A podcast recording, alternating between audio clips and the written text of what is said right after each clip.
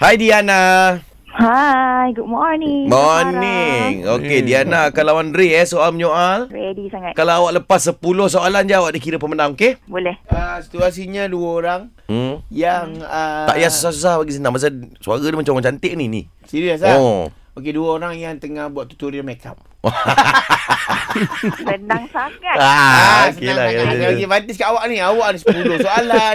advantage pasal uh, Ah, ah. situasi. Ini kalau tak menang tak tahulah. Menang tak Okey. tahulah. Okey. 3 2 1. Mana blusher? Belah siapa? Dekat tepi tu kan? Yang mana satu?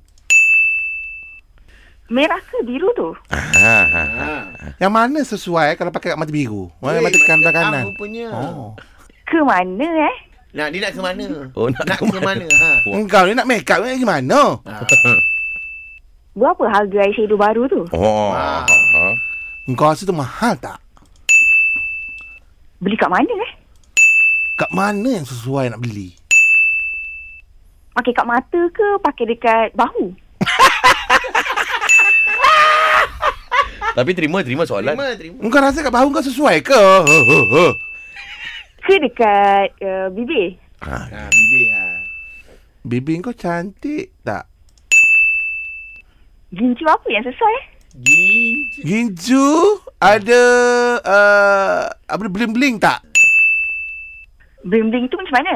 Ha. Okey, habis dah 10 soalan. Kau Ah, langsung tak ada soalan perangkap lah kau ni. Michael, kau kat Instagram power eh bila kat era. Weak ah. Okey, Ray, apa lagi kena umum? Nana. Diumumkan? Uh-uh. Yes. You win. Yes. Yay.